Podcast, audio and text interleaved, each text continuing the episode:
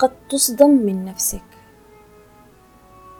تمر بنا مواقف ولحظات اعتقدنا أننا أضعف منها وأن ما سيحدث لا نريد مواجهته وأنه قد يؤثر بنا سلبا. ولكن إذا دفعتك الظروف لتكون هناك في تلك اللحظة ستتفاجأ بأن مخزونك من القوة التي حاولت أن تبنيها بداخلك طوال الفترة الماضية قد أخذ حيزا منك.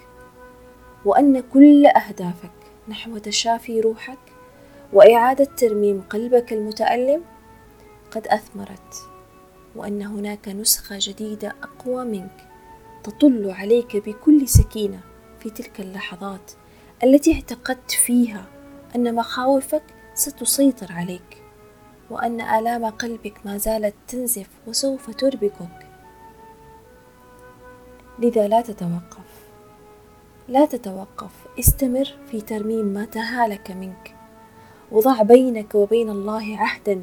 أن تسعى دائما لتصل للنعيم في قلبك. وتذكر أن الله لا يغير ما بقوم حتى يغيروا ما بأنفسهم.